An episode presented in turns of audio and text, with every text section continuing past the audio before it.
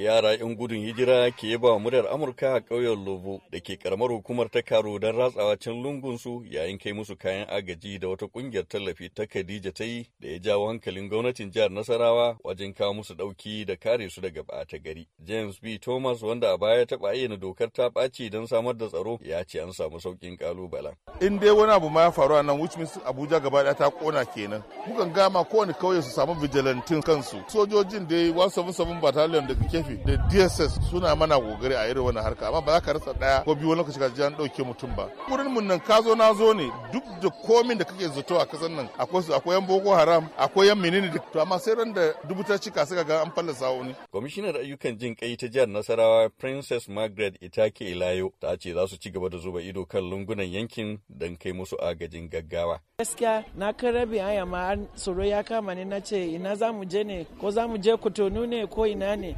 Muna cikin tafiya kina amma da yadda Allah na zo na gani na ga mutane kawai da just happy people ne wallahi. Wato kwamishina ki ma da kanki baki taba takuwa wannan wajen ba sai yau. A ba zan karya ba ban taba zuwa nan ba. Akwai abin da kika faɗa cewa in Allah ya da ma akwai wani dan daki za a share za ki zo har ki fara ma koyarwa a wajen. Wallahi zan zo yi musu teaching don ni teacher ne. Ɗaya daga iyaye mata yan gudun hijira daga Goza jihar Borno malama Ladi Haruna ta bayyana cewa sun tsallake kadarkon mutuwa kafin isowa yankin. Rayuwar mu a kauye nan muna shan wahala. Gashi ba ruwa ba makaranta ƴaƴanmu ko asibiti ba mu da shi. Kai muna kuka mu zuwa gaban AA Sille. Muna mishi godiya. Amma ya taimake mu bisa ga rayuwar da muke ciki muna wahala. Ba ruwan sha ba asibiti ko ciwon dare ya same mu ba mu da wurin guduwa sai dai mu fama da rashin lafiya. Kamar ku nawa ne a wannan gari?